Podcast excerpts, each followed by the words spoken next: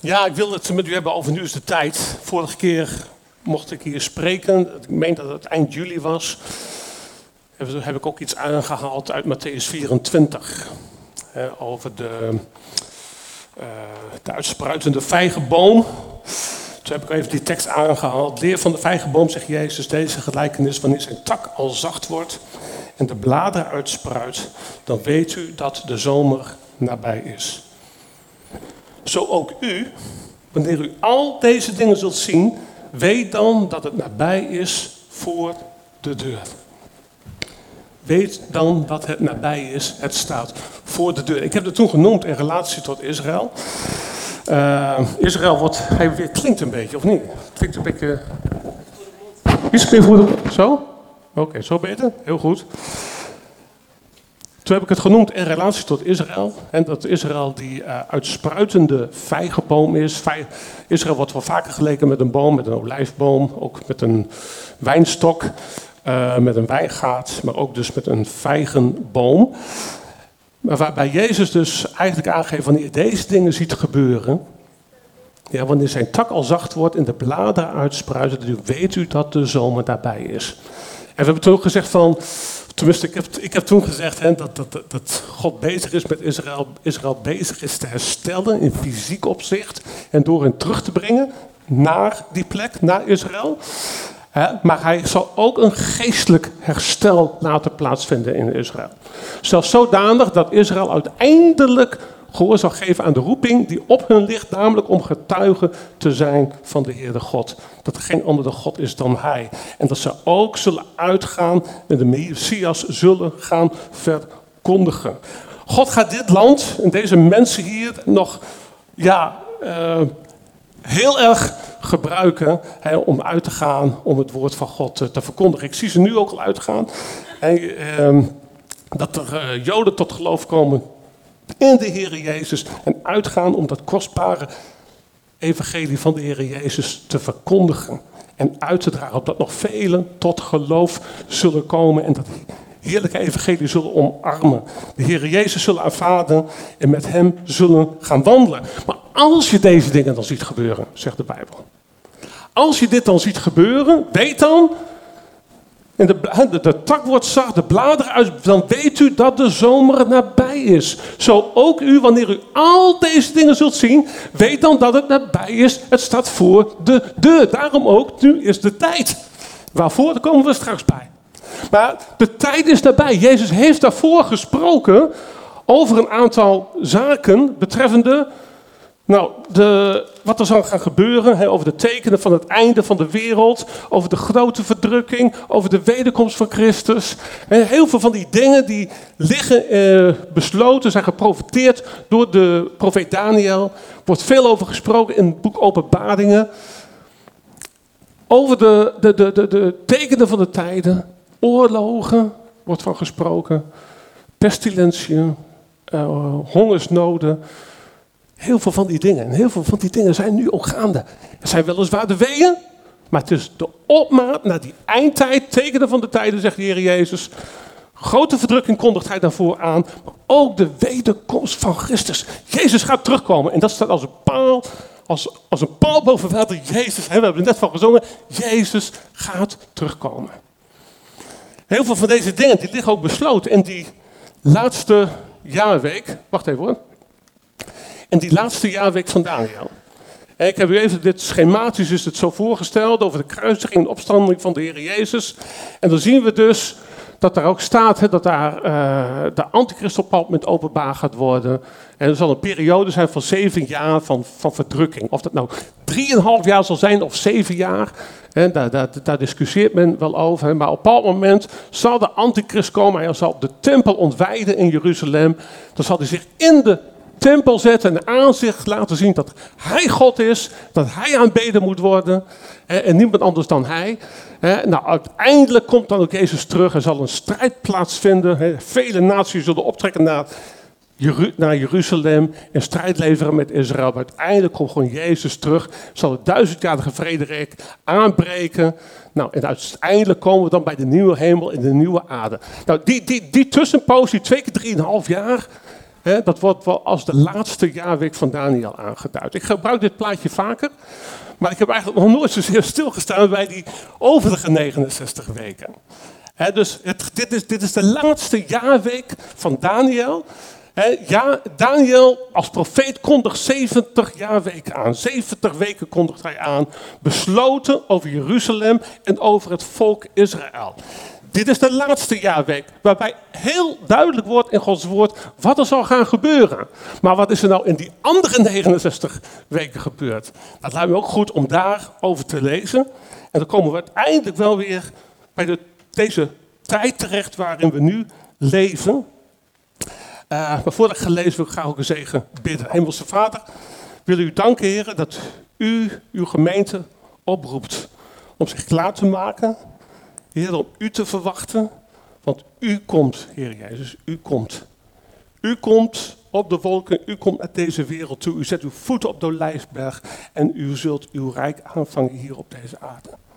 Dank u wel, Heer, en u roept uw kinderen zo op om alert te zijn, om wakker te zijn. Waak dan en bid dan, zegt de Heer Jezus. Waakt en bid. In afwachting van die ene dag, de dag dat u terug gaat komen. Hemels Vader, wilt u zo ons hart ontvankelijk maken, Heer, voor uw woord. Voor het feit, Heer, dat u zelf aangekondigd hebt dat u gaat komen. Hemels Vader, wilt u ons zo genadig zijn wanneer we uw woord overdenken. Ons hart openen. Dat bidden we u in de naam van Jezus. Amen. Daniel hoofdstuk 9. Als u een Bijbel bij u heeft, lees dan met me mee. Dan pak uw telefoon erbij als daar de Bijbel op staat. Of gewoon een papieren versie. dat mag ook. Uh, maar het is altijd goed om het woord van God mee te lezen. Ik heb niet alles op sheets staan. Maar Daniel 9, vers 20, daar wordt de 70 weken worden daar aangekondigd. Uh, de laatste weken zijn het eigenlijk. om een heel aantal dingen af te sluiten. Een profetie specifiek over Israël, over de stad Jeruzalem en over het volk Israël. Terwijl ik nog sprak en bad, een beleidenis deed van mijn zonde, schrijft Daniel. En van de zonde van mijn volk Israël en mijn smeekbeden uitstorten voor het aangezicht van de Heere mijn God. Omwille van de heilige berg van, van mijn God.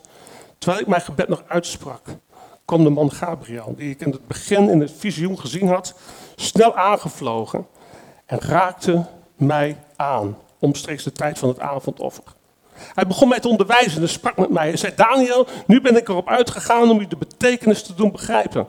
Bij het begin van uw smeekbeden is er een woord uitgegaan. En nu ben ik zelf gekomen om u dat te vertellen, want u bent zeer gewenst. Begrijp dan dit woord, ik krijg inzicht in het visioen. 70 weken zijn er bepaald over uw volk en uw heilige stad. Ziet u, deze profetie gaat over uw volk en uw heilige stad, over Israël en Jeruzalem. En waarom? Om de overtreding te beëindigen. De zonde te verzegelen. De ongerechtigheid te verzoenen. Om een eeuwige gerechtigheid tot stand te brengen. Om visioen en profeet te verzegelen. En om de heiligheid van heiligheden te zalven. U moet weten en begrijpen vanaf de tijd dat het woord uitgaat om te laten terugkeren, om Jeruzalem te herbouwen, tot op de Messias, de vorst, verstrijken er zeven weken en 62 weken. Pleinen zullen opnieuw gebouwd worden, maar wel in benauwde tijden. Na de 62 weken zal de Messias uitgeroeid worden, maar het zal niet voor hemzelf zijn. Een volk van een vorst, een volk dat komen zal, zal de stad en het heiligdom te gronden richten. Het einde ervan zal zijn in de overstromende vloed. En tot het einde toe zal er oorlog zijn. Verwoestingen waartoe vast besloten is. Hij zal voor velen het verbond versterken. Eén week lang, halverwege de week, zal hij slachtoffer en graanoffer doen ophouden. Over de gruwelijke vleugel zal een verwoester zijn, zelf tot aan de voleinding, die vastbesloten uitgegoten zal worden over de verwoester. hier wordt eigenlijk gewoon in die laatste paar versen, wordt eigenlijk die laatste jaarweek ook aangekondigd. Ja, daar staat in vers 26 halverwege, een volk van een vorst, een volk dat komen zal, zal de stad en het heiligdom te gronden richten. Het, hij, nou, in vers 27, hij zal voor velen het verbond versterken, één week lang halve de week, zal hij slachtoffer en graanoffer doen ophouden. Nou, en dan komt hij als een verwoester, zeg maar, de antichrist ook. Maar ik wil met u gaan nog een vers lezen uit Romeinen, hoofdstuk 11. vers 25. Daar staat, want ik wil niet, broeders, dat u geen weet hebt van dit geheimenis, opdat u niet wijs zou zijn in eigen oog, dat er voor een deel verharding over Israël is gekomen, totdat de volheid van de heidenen is binnengegaan. Goed, dan wil ik teruggaan even naar hoofdstuk 9 van het boek Daniel. Vers 20. Terwijl ik nog sprak en bad en beleidenis deed van mijn zonde en van de zonde van mijn volk Israël en mijn smeekbeden uitstortte voor het aangezicht van de Heer bij God, omwille van de heilige berg van mijn God. Dit vers brengt al heel veel lading met zich mee. We moeten ons even voorstellen, Daniel verblijft daar in Babel. We hebben het vorige keer uitvoerig over gehad, over hoe Israël ook geoordeeld is op een bepaald moment. En dat ze niet met de Heer leefden en dat ze weggevoerd moesten worden. Nou, zo is ook Israël, is zij weggevoerd, zitten ze daar in Babel. En dit is het moment dat Daniel bidt voor zijn volk. Dat gebed staat helemaal uitgeschreven in hoofdstuk 9. Het is een bijzonder mooi gebed waarbij hij op de bres gaat staan voor het volk Israël. Terwijl ze daar in Babel zijn. Nou, we weten, hè, eh, Daniel wist van wat er zou gaan gebeuren. Hij wist dat door de profeet Jeremia was aangekondigd dat zij daar 70 jaar zouden zijn. Dat staat daar ook, hoofdstuk 9, vers 2. En het eerste jaar van zijn regering merkte ik Daniel in de boeken het aantal jaren op waarover het woord van de Heer tot de profeet Jeremia, gekomen was. 70 jaar zouden na de verwoesting van Jeruzalem voorbij moeten gaan.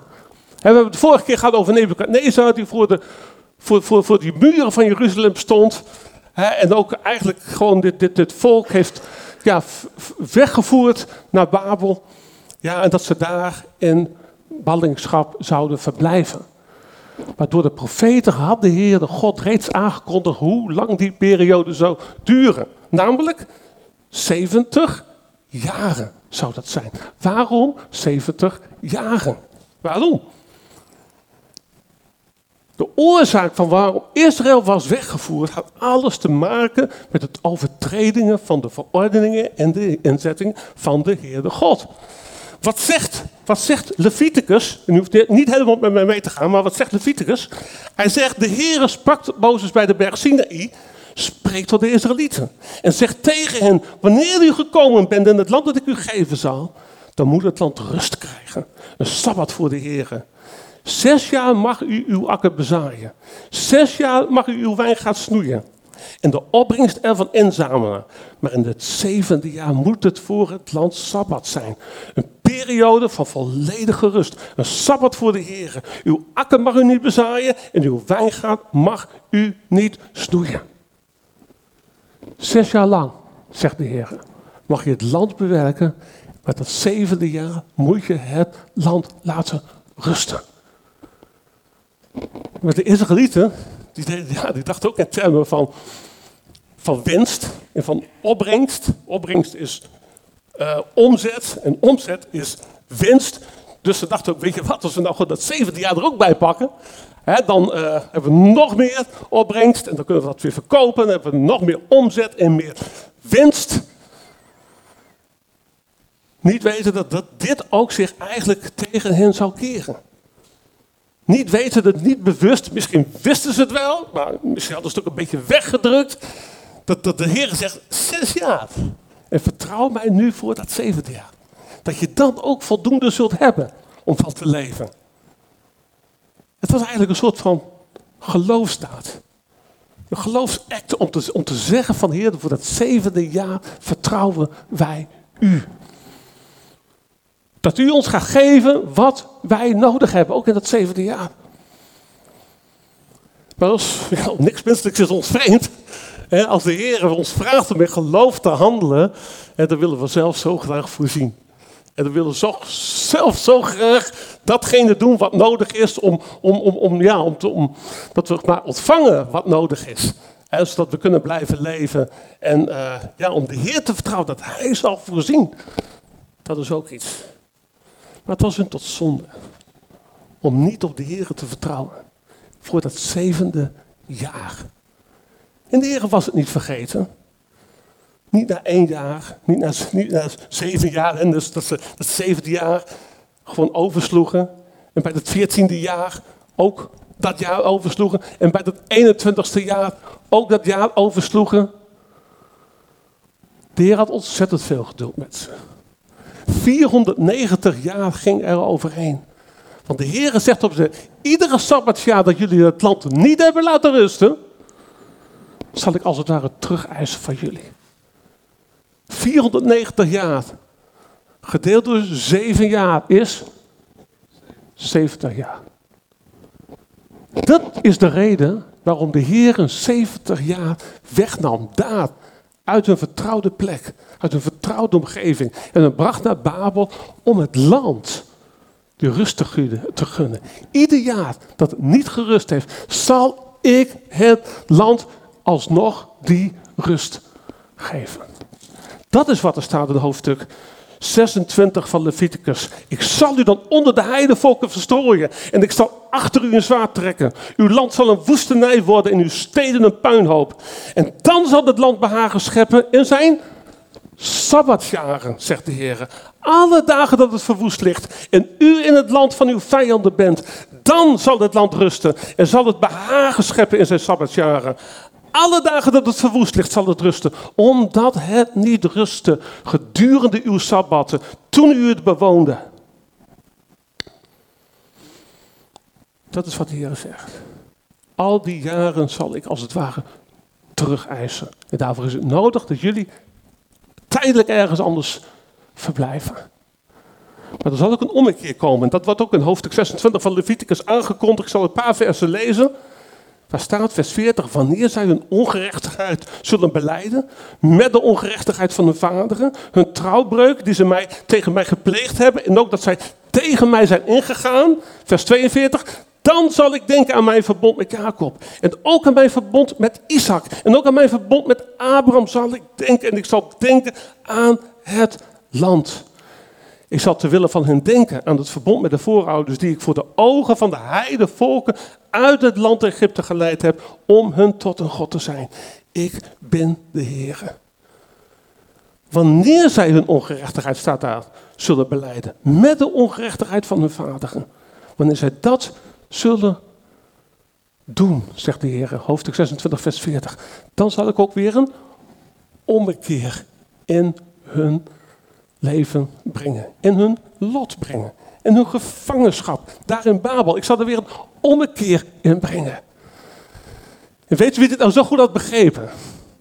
Dat was Daniel. Daniel was zelf als gevangene mede weggevoerd, maar hij kende Gods woord, hij kende de schriften. 70 jaar zullen hier overheen gaan. Ja, maar dan ook zal de Heer weer een keer in hun lot brengen. Wanneer zij hun ongerechtigheid zullen beleiden. Met de ongerechtigheid van hun vaderen. En wat deed Daniel in hoofdstuk 9? Weet u, dit gebed van Daniel, hoofdstuk 9, dat komt niet zomaar uit de lucht vallen, maar hangt helemaal samen. Met alles al wat er is gebeurd en aangekondigd is in het woord van God. Het heeft alles te maken en met de inzettingen, verordeningen van hou je aan mijn woord. Ja, wandel nauwgezet.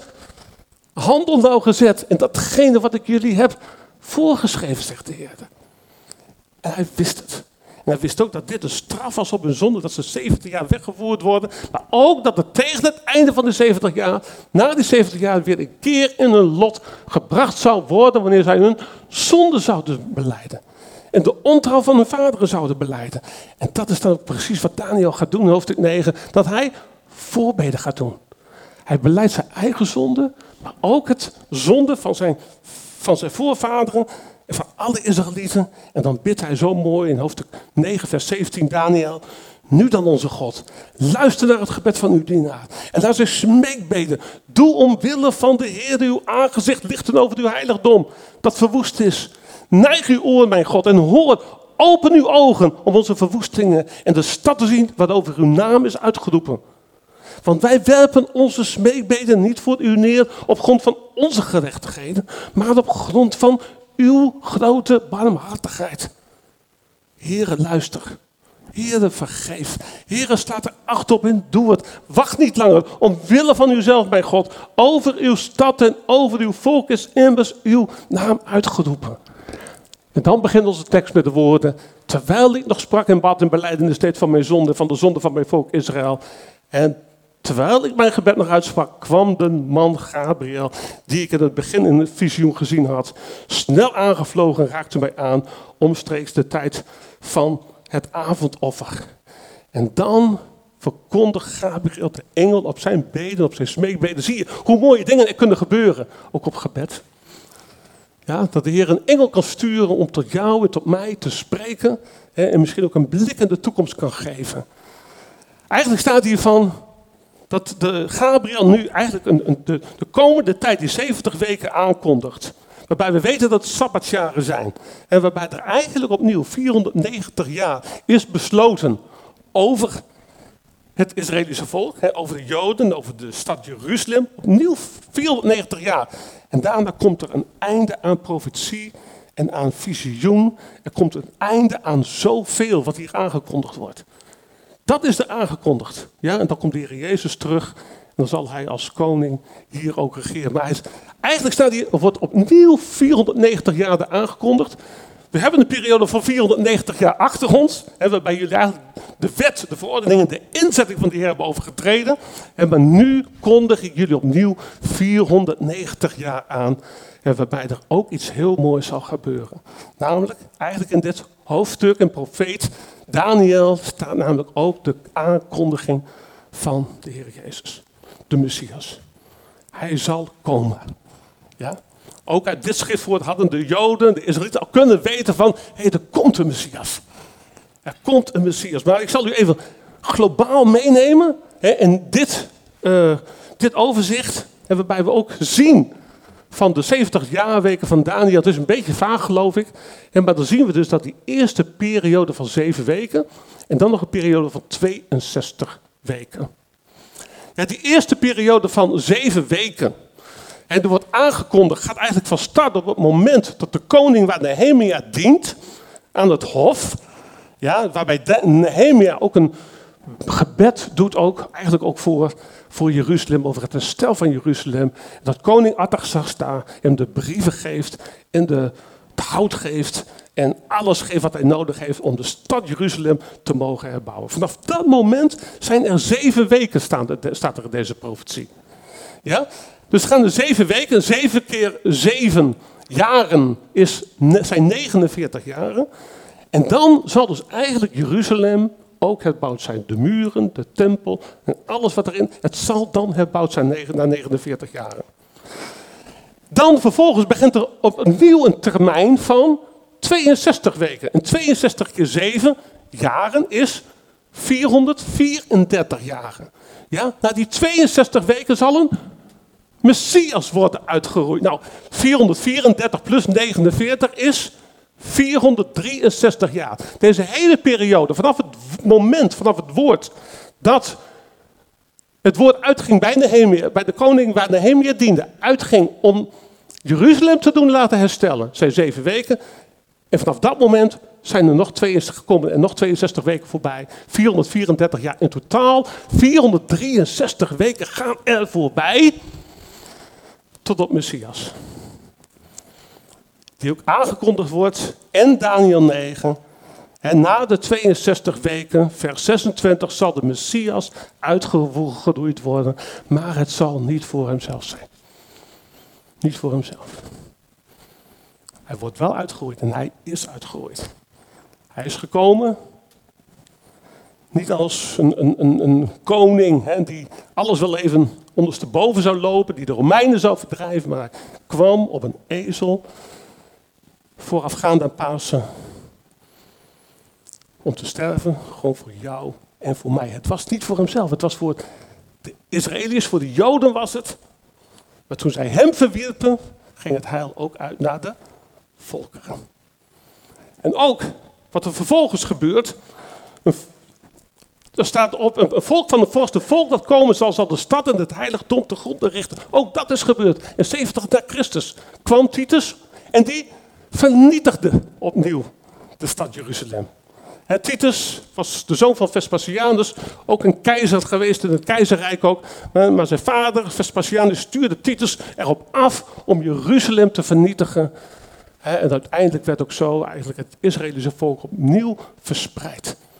Ze werden eerst naar Babel afgevoerd. En nu werden ze verspreid als het ware over de ganse wereld. En dan maak ik een sprongetje naar Romeinen hoofdstuk 11. Er is een gedeeltelijke verharding. Met het weerstaan, met het niet accepteren van de Heer Jezus, kwam er een verharding over Israël. Het is alsof deze profetie op dit moment tot een stilstand komt en niet verder gaat. Dat er een pauze is ingelast door de Heer de God. En zegt de Heer, ik ga nu iets nieuws doen. Nu komt het evangelie, het evangelie, de Heer Jezus die in eerste instantie voor de Joden is gekomen. Dat heil, dat evangelie, dat hij gestorven is voor ieder mens. En ieder die zijn vertrouwen op hem stelt, die zal behouden worden, zegt de Bijbel. Dat evangelie gaat nu naar buiten toe. Het blijft niet in Jeruzalem. Het blijft niet in Israël. Dat heil, dat was geopenbaard aan de apostel Paulus. Hè, daar spreekt hij ook van in Efeze hoofdstuk 3. U mag het thuis nalezen. Maar daar spreekt hij. Het was thans al die tijd verborgen geweest. Maar nu is het geopenbaard aan de apostelen en aan de profeten. En dat het heil hier niet moet blijven in Jeruzalem maar met het weerstaan van de Heer Jezus, met de kruisdood van de Heer Jezus, met het hem aan het kruis nagelen, dat ze hem niet moesten, dat ze hem niet zagen als de Messias. Daarmee kwam deze profetie van Daniel tot een stilstand en heeft God iets nieuws bedacht. Er komt tijd, er komt ruimte om dit evangelie te brengen naar de heidenen. En voor zover ik weet, zijn de meesten van ons hier uit de heidenen, maar om ook te zorgen dat ook de heidenen dit heil zouden omarmen en van de Heere Jezus zouden zijn. Kinderen van God zouden worden. En dat we deelgenoten en huisgenoten zouden worden van wat Israël al deels achter was gevallen, dat wij daar ook deel aan zouden hebben. Genadetijdperk zijn we binnengegaan. Kerktijdperk was door al deze eeuwen heen, de afgelopen 2000 jaar, heeft de gemeente, zijn gemeente gebouwd. Ik geloof dat openbaringen hoofdstuk 2 en 3 een afbeelding is van de kerk door de eeuwen heen. Het is af en toe heel duister geweest, zoals in de middeleeuwen. en, en de kerk. Maar de tijd heeft ook geweldige opwekking gekend. En een vermeerdering. Een prachtig, dat een prachtig mooi nieuw leven tevoorschijn is gekomen. Maar ook tijden van scheuring. En van verdriet. En van heel veel tranen, zeg maar. Ook dat is er allemaal geweest in die tijd. Maar die verharding van Israël, zoals ik aan het begin al zei, die komt tot een einde. Die komt tot een einde. De takken worden reeds week. En de bladeren spruiten uit. En we zien Gods handelen met Israël. En dan weet u dat het voor de deur staat. Dan weet u dat de tijd nabij is en dat er een einde gaat komen aan dit tijdperk. Aan deze genadetijd, waarvan de Bijbel ook zegt in Romeinen hoofdstuk 11, want ik wil die broeders en zusters dat u geen weet hebt van dit geheimenis, opdat u niet wijs zou zijn in eigen oog, dat er voor een deelverharding over is, is gekomen, totdat de volheid van de heidenen is binnengegaan. De volheid van de heidenen. Dit is even een ander, sla ik even over. De volheid van de heidenen. Hier staat opnieuw wat ik zojuist heb gelezen. Maar er staat dus eigenlijk bij volheid. Wat is dan die volheid? Pleroma. Wanneer wordt gesproken over de volheid van Joden of heidenen, moeten we het woord opvatten in de zin van volledig aantal, het compleet zijn. Totdat de volheid van de heidenen is binnengegaan. En dat woordje binnengaan of binnenkomen, ook Jezus zegt dat hè, in de Johannes-evangelie. Ik heb ook schapen van een andere stal, zegt hij. Ja? Ik heb nog andere schapen, die niet van deze schaapskoor zijn. Ook die moet ik binnenbrengen. Ja? En zij zullen mijn stem horen en het zal worden één kudde in één herder. Schapen van een andere stal. Wie, wie zijn dat dan, die, die schapen van een andere stal? Dus je hebt het Joodse volk van de ene stal en je hebt de heidenen van een andere stal. Ook die schapen. Ook u. En ieder van u moet hij binnenbrengen. Zij die niet van deze schaapskoor zijn. En van de Joodse schaaps, ook die moet ik binnenbrengen. En zij zullen mijn stem horen. En het zal worden één kudde in één herder. Allemaal zullen we behoren tot één kudde en één herder. Het Joodse volk, de heidenen Ja? Eén kudde en één herder. Het mooie nu is, zegt de Bijbel, zij zullen naar mijn stem horen. Ja, en ik heb er wel even een beetje over na zitten denken. Van, hey, hier staat dus twee keer. Ik geloof dat het hoofdstuk 10 is uit uh, Johannes Evangelie. En zij zullen mijn stem horen. Dat zegt Jezus de ene keer. En even later zegt hij: Mijn schapen horen mijn stem. En ik ken ze en zij volgen mij. En ik geef een eeuwig leven. En zij zullen beslist niet verloren gaan in eeuwigheid. En niemand zal ze uit mijn hand rukken. Zij zullen mijn stem horen. En de vraag is vanmorgen ook voor jou. Hè? We kunnen heel veel over de eindtijd discussiëren, over allerlei profetieën erbij halen. En wanneer Jezus misschien gaat komen, kunnen er heel veel over zeggen.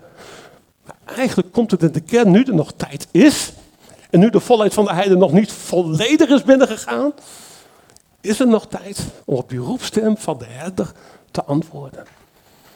En heel persoonlijk te zeggen van Heer Jezus, wilt u in mijn leven binnenkomen? Ik wil ook zo graag bij die kudde horen. Ik wil ook zo graag bij u, Heer Jezus, als herder. Ik wil ook zo graag bij u horen. Allen die vermoeid en belast zijn, zegt de Heer Jezus, kom tot mij en ik zal je rust geven. En er zijn zoveel mensen met onrust. Ja, die verdriet hebben, waarvan hun leven ondersteboven gaan staat. Die in onzekerheid leven, om vanwege alles wat er gaande is in deze wereld, crisis op crisis, onrust op onrust, heleboel verwarring, waar gaat dit heen? En Jezus zegt, kom tot mij allen die vermoeid en belast zijn. En ik zal u rust geven. Pak even iets tevoorschijn. Dit is een uh, verkorte versie van de biografie van dominee Spurgeon. Nou, u weet dat ik uh, graag Spurgeon lees. Afgelopen zomer heb ik opnieuw zijn biografie meegenomen. Om, uh, om eens weer door te lezen. En dat heb ik ook gedaan. En ik dacht, eigenlijk is het zo mooi, hè? Als ik ook kijk van, als je ziet van, dat, dat de Jezus zegt, hè, en zij zullen mijn stem horen. Mijn schapen horen mijn stem. En dat is even los van, van, van, van, de, van de prediker.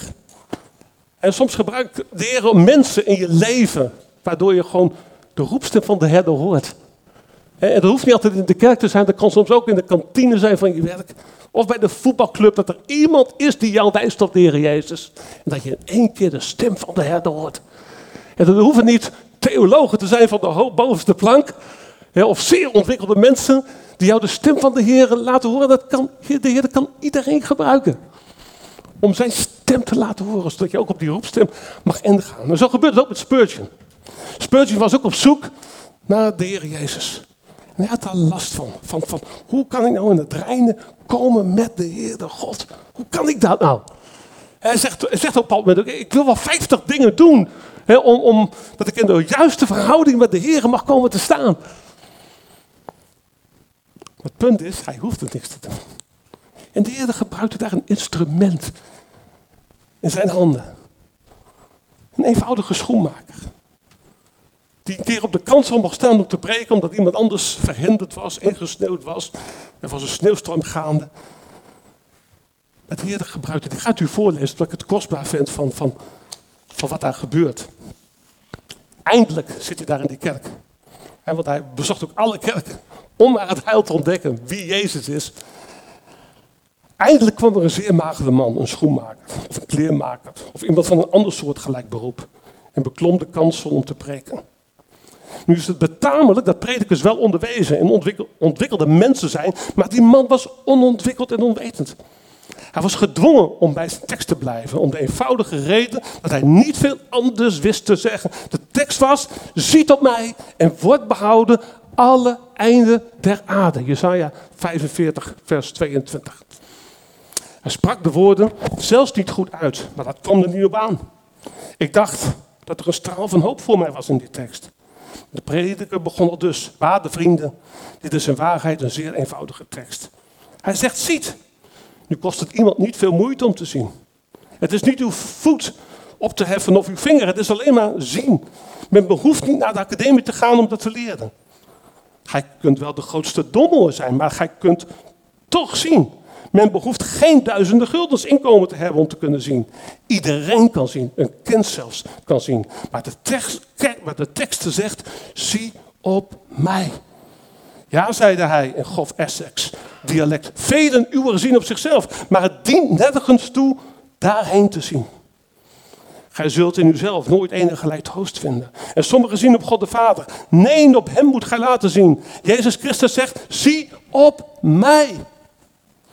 En toen ging de brave man voort met zijn tekst en die voegen. Zie op mij, het is een beetje oud-Nederlands hoor, maar zie op mij, ik zweet grote druppelen bloed. Zie op mij, ik hang aan het kruis. Zie op mij, ik ben gestorven en begraven. Zie op mij, ik sta op van de doden. Zie op mij, ik vaar op ten hemel. O arme zondaar, zie op mij. Zie op mij.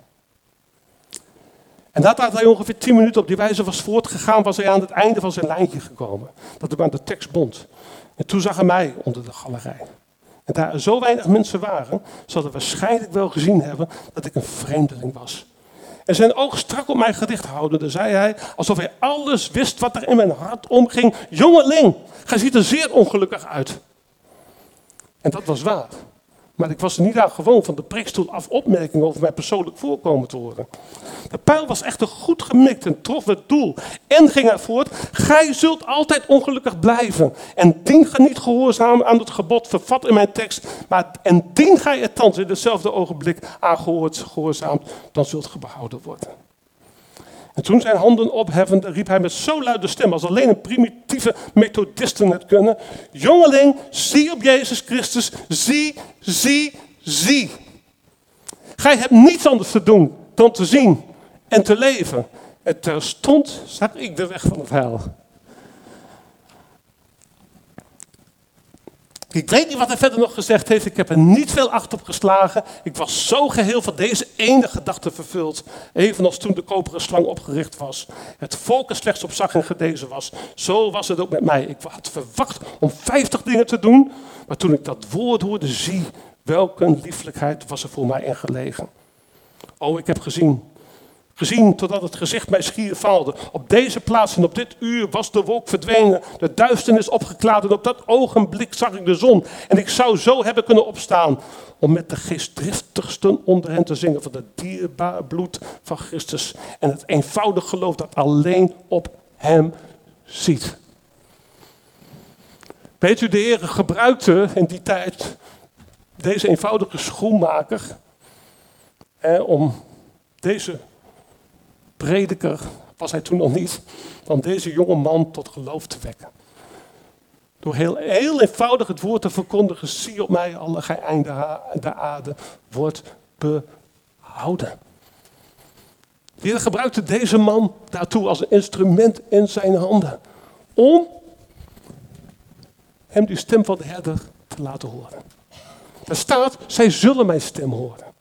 Ja, mijn schapen horen mijn stem en ik ken ze en zij volgen mij. Er staat een gelijkenis, een verhaal in de Bijbel over, over, over een herder ook die, die honderd schapen heeft. 99 van die schapen heeft hij aan het einde van de dag teruggebracht. En bij het tellen van die schapen mist hij er één. Hij mist er één.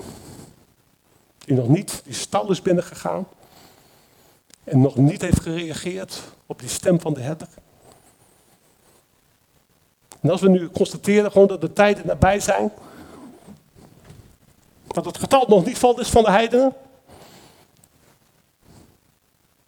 heb jij al geluisterd naar die roepstom van de Heer Jezus? Je zegt van Heer Jezus, ik wil ook bij u horen. Ik hoop dat dit een dag mag zijn vandaag. Ook al zou er maar één ziel zijn die zegt van, ja, ik wil ook op de Heer Jezus zien. Ik wil ook met hem wandelen. Ik wil ook met hem gaan. Heer Jezus, dank u wel voor alles wat u voor mij gedaan heeft. Dat u ook mij wil reinigen, dat u ook mij wil heiligen, zoals we ook al gebeden hebben vanmorgen. Mij vrij wil maken van al mijn zondeschuld. Jezus is gekruisigd, hij is uitgeroeid daar op Golgotha, zoals Daniel zegt, maar het was niet voor hemzelf, het was voor jou was het. Voor jou. En misschien heb jij dat heil nog niet omarmd. Heb jij nog niet gezegd, Heer Jezus, dank u wel, het was ook voor mij. Misschien, ik ben misschien ook maar onvolkomen, ook in mijn spreken en in mijn dienstbaarheid, als het gaat om de bediening van het woord. Dan hoop ik gewoon dat het vandaag de dag zal zijn dat u, net zoals Spurgeon, zult zeggen, ja, dat het licht opeens mag worden in uw duisternis. Dat de wolken, de verwarring mag zijn, dat u ook denkt van, wat, wat moet ik er allemaal doen om in een goed blaadje bij God te komen? U hoeft niks te doen. God heeft alles gedaan door zijn zoon, de Heere Jezus. Zie slechts op hem. Zie slechts op hem. En u zult behouden worden. Alle einden der gaat. Ook hier in Hardenberg. Als u zegt, ja Heer Jezus, ik wil met u wandelen. Ik wil van u zijn.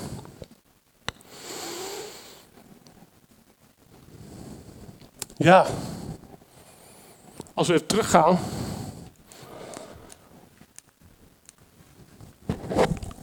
Dan zien we hier ook hè, dat, dat, dat eindbeeld. Ergens gaat die profetie weer verder.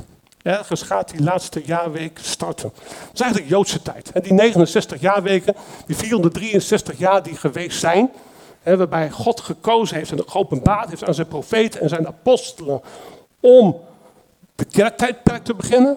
om u en mij de gelegenheid te geven ons vertrouwen te stellen op de Heer Jezus. Ergens gaat die laatste jaarweek van start. En Jezus heeft het ons al aangekondigd, de tijd is nabij. Het is zomer.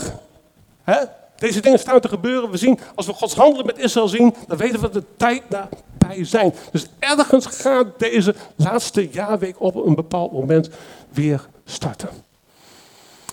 Nou, ik weet dat er verschillend op gedacht wordt, maar u ziet ook aan de voorkant ziet u een pijl naar boven zijn. We zien op een bepaald moment aan de achterkant na de grote verdrukking. En dat staat ook in de Bijbel. En dat er de Heer Jezus terug gaat komen. In grote heerlijkheid en kracht. Ik zelf geloof, en ik geloof ook dat het door, dat, dat, door, geloof, en dat we dat uh, listen kunnen binnengaan. En dat de Heer Jezus zijn bruid zal ophalen voor die tijd. Maar daar mag u van verschillend over denken. Ik weet dat er ook verschillend over wordt gedacht. En sommige mensen denken, hè, gelet op wat er staat in de Bijbel, op een bepaald moment zal de gemeente opgenomen worden en zal de Heer Jezus tegemoet gaan. Tegelijkertijd komt de Heer Jezus ook terug. Sommigen denken ook, dit gebeurt allemaal op één en dezelfde tijd, na de grote verdrukking. Uh, of het zal tussentijds gebeuren, tijdens uh, die laatste jaarweek, in het midden ergens, of het begint aan het begin. Ik zal u heel duidelijk, maar u mag erover verschillen. Ik geloof dat het aan het begin zal zijn. En dat de Bijbel ook zegt, omdat gij het bevel bewaart mij te blijven verwachten, zal ik ook u behouden. Zal ik ook, uh, omdat gij het bevel bewaart mij te blijven verwachten, zal ik ook u behoeden voor de tijd die gaat komen. De uren der verzoeking die over de ganse wereld gaat komen. Dus ik geloof ergens dat het twee hele verschillende gebeurtenissen zijn. Maar nogmaals, we zijn zeker over wie Jezus is. Dat hij ons redt. En dat moet klip en klaar zijn. Over deze gebeurtenissen mag u van mening verschillen. Maar ik, ik wil u wel zeggen dat ik denk dat die, zodra die volheid dus binnengaan, dan zal de opname plaatsvinden. Twee teksten even tegenover elkaar. Niet om te zeggen, van één is beter of, of, of wat dan ook. Gaat het niet om. Het zijn twee verschillende gebeurtenissen. Want de Heer zelf zal met een geroep, met de stem van een aardsingel en met het bezuin van God neerdalen uit de hemel. En de doden die in Christus zijn, zullen eerst opstaan. En daarna zullen wij, de levenden die overgebleven zijn, samen met hen opgenomen worden. In de wolken, naar een ontmoeting met de Heer in de lucht. En zo zullen wij altijd bij de Heer zijn. Zodat troost elkaar bij deze woorden. Ja, dat, dat is één gebeurtenis. Ja? Die ook in vele studies, als het gaat over de leer van de opname, is dit ook een van de kernteksten. Die tweede tekst gaat over de wederkomst van Christus Jezus in heerlijkheid na de grote verdrukking. En meteen na de verdrukking van die dagen zal de zon verduisterd worden. En de maan zal zijn schijnsel niet geven. En de sterren zullen van de hemel vallen. En de krachten van de hemelen zullen heftig bewogen worden. En dan zal aan het hemel, de hemel het teken van de zoon des mensen verschijnen. En dan zullen al de stammen van de aarde rouw bedrijven. En zij zullen de zoon des mensen zien. Als hij op de wolken van de hemel komt met grote kracht en heerlijkheid. Ja, dit is toekomende tijd. Dit is wat er gaat gebeuren. En ik zelf geloof hè, dat wij opgenomen zullen worden. dat we volgens het bruiloft met het lam zullen vieren daar in de hemel. Daar is de bruid toe bestemd. Wij zijn de bruid, de kerk is de bruid van Christus. En wij zullen met hem zijn. We zullen met hem vieren, het feest vieren, de bruiloftszaal binnengaan. Uh, en daar zullen we dan met hem zijn. En dan zullen al de heiligen vervolgens weer terugkeren met de Heer Jezus. En hij zal zijn voet op de olijfbergen zetten. En wij zullen met hem regeren daar in dat duizendjarige koninkrijk. Dat is wat gaat gebeuren. Heel mooi ook. Dit is openbaring hoofdstuk 5. En dan zien we op een bepaald moment hoofdstuk 4. In hoofdstuk 2 en 3 wordt heel veel gesproken over de gemeente. Wel 19 keer. En dan op een bepaald moment, wordt daar in hoofdstuk 4 gesproken, wordt tegen Johannes gezegd, en wie de openbaring is gegeven, klim hier naar op, wat ook een heel mooi beeld is van de gemeente, om naar de hemel toe te gaan, daar waar, waar de Heer Jezus is. En dan wordt er in openbaring hoofdstuk 5 een loflied gezongen. En ja, ik, eigenlijk denk ik van, zou dit nou niet het lied zijn van de gemeente daar in de hemel? Het lied van de verlosten. Het lied van de gemeente om de Heer Jezus Christus te verheerlijken. En toen het de boekrol nam, wierpen de vier dieren, de 24 oudsten zich voor het lam neer. Hebben de elke citer en gouden schalen vol reukwerk. Dit zijn de gebeden der heiligen. En zij zongen een nieuw gezang, zeggende, gij zijt waardig de boekrol te nemen en haar zegels te openen, want gij zijt geslacht en gij hebt hen voor God gekocht met uw bloed. Uit elke stam en taal en volk en natie. En gij hebt hen voor onze God gemaakt tot een koninkrijk en tot priesters. En zij zullen de, als koningen heersen op de aarde. Willig zingen we straks een loflied bij de Heer Jezus. Voordat dat bruiloftsfeest gaat aanvangen. En dan ook, en vlak daarvoor is aan de Heer Jezus werd waardig geacht om het boek dat verzegeld is te openen, waarmee ook de oordelen over deze wereld zouden komen de zeven zegels, de zeven bazuinen, de zeven. Uh, wat hebben we nog meer? Wat zeg je? Schalen. De zeven schalen. Hè, al die oordelen die dan gaan komen. Jezus waarschuwt ons. Hij waarschuwt de gemeente. Hij zegt, en weet je, wat, in wat voor situatie je ook gelooft. Of we nou opgenomen worden, of dat we geloven dat we hem tegemoet gaan bij de wederkomst. Daar komt het in de kern niet op aan. Dit vers geldt voor ieder van ons. Voor de gemeente van de Heer Jezus. Hij zegt, waak te allen tijden en bid dat u waardig geacht zult worden. Om al die dingen die gebeuren zullen te ontvluchten. En om te kunnen bestaan voor de Zoon des mensen. Waardig geacht. Kataxio staat er in het Grieks. Te ontvluchten, ekvoiko, uit een plaats weggerukt worden. Wat zou kunnen duiden op de opname van de gemeente. Maar dat laat ik aan u. Wat wel belangrijk is, wat hier staat is, waak dan te allen tijden in bid. Waakt te alle tijden in bid. Er staat nog iets achter. Dat u waardig geacht zult worden. En ik heb echt er even zelf na zitten denken van, Heer Jezus, hoe zit dat dan? Ik heb het ook met mijn vrouw over gehad. Waardig geacht. Wanneer worden we nou waardig geacht? Om, om, om bij hem te zijn straks in heerlijkheid. Op welk moment dan ook al. En wanneer?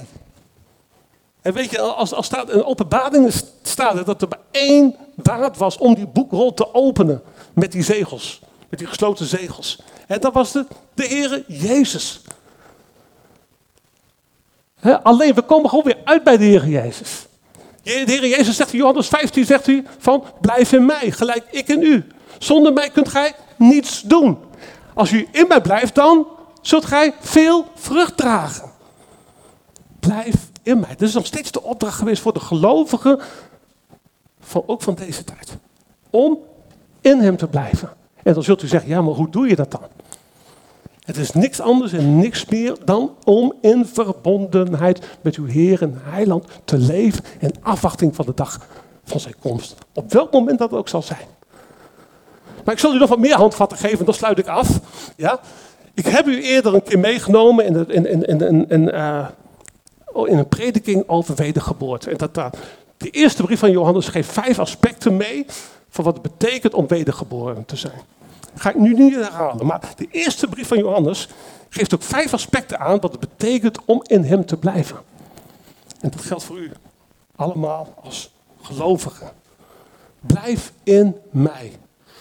En dit is de verkondiging die wij van hem gehoord hebben. En u verkondigen, God is licht. En in hem is in het geheel geen duisternis. Ja, kinderen van God hebben gemeen, geen gemeenschap met de duisternis. En ieder die in hem blijft, zondigt niet. En ieder die zondigt, heeft hem niet gezien en heeft hem niet gekend. De gelovigen hebben ook geen gemeenschap met de zonde. Ik heb toen ook in die prediking over de wedergeboorte gezegd, hij, hij, hij, hij, wil, wil er niet bij blijven. Ja, hij, heeft, hij heeft een afkeer van. En natuurlijk zondigen we allemaal, zegt de, zegt de. En maar intentie, de intentie is bij iedere gelovige aanwezig om met de zonde te breken. En bij de Heer te brengen. Zeg, Heer, verlos mij van deze zonde. Geen gemeenschap met de zonde. Wie zegt dat hij in hem blijft, behoort ook zelf zo te wandelen als hij gewandeld heeft. Hoe dan? In verbondenheid met de Vader. In de verbondenheid met onze hemelse Vader. ik spreek niks, tenzij ik de Vader hoor zeggen. En ik doe niks, tenzij ik het de Vader zie doen. In die verbondenheid wandelde de Heer Jezus bij wie zijn woord bewaart. En die is waarlijk de liefde Gods vermaakt. Hieraan onderkennen wij dat wij in hem zijn. We overdenken het woord en we blijven bij dat woord. En wie zijn geboden bewaart, blijft in hem. En hij in hem. En hieraan onderkennen wij dat hij in ons blijft aan de geest die hij ons gegeven heeft. En met die geest zijn wij verzegeld tot de dag der verlossing. Door die geest die in ons woont, weten we dat we kinderen van God zijn. En dat we van Hem zijn. Willen we waardig geacht worden, zoals die Bijbeltekst zegt? Ja, dan hoop ik dat u de volgende keer denkt van, Heere God, wilt u mij helpen in u te blijven. In verbondenheid met u te blijven wandelen tot de dag van uw komst. Want de Heer Jezus, Hij komt en Hij komt spoedig. Zullen we bidden. Hemels Vader, wil u danken, Heer, voor uw woord. Heer, en misschien ben ik niet in staat, hier om de urgentie gewoon voldoende aan te geven. Heer, maar de tijden zijn erbij. Dat is wat u zelf verkondigd hebt. En als we kijken op uw klok en uw handelen met Israël, dan weten we dat de tijden erbij zijn. En dat de profetie aangaande Israël, heer, een vervolg zal krijgen in die laatste jaarweek. Heer, maar dat we daar ook een heerlijke tijd gaan aanbreken met u samen. Dat u uw heerschappij hier op deze aarde ook zult vestigen. En vader, we hebben u nodig. We hebben het nodig, Heer, om te verstaan wat het betekent om in u te blijven wandelen. Heer, en daar we uw stem nog niet gehoord hebben, wil ik bidden, Heer, dat u de naprediker zult zijn. Heer, als we ons leven nog niet aan u hebben gegeven, Heer, dat daar vandaag, Heer, uw zachte stem opgemerkt mag worden. De zachte stem van de herder. De stem van onze Heer Jezus Christus. Wilt u zo ieder zegenen in de naam van Jezus. Amen.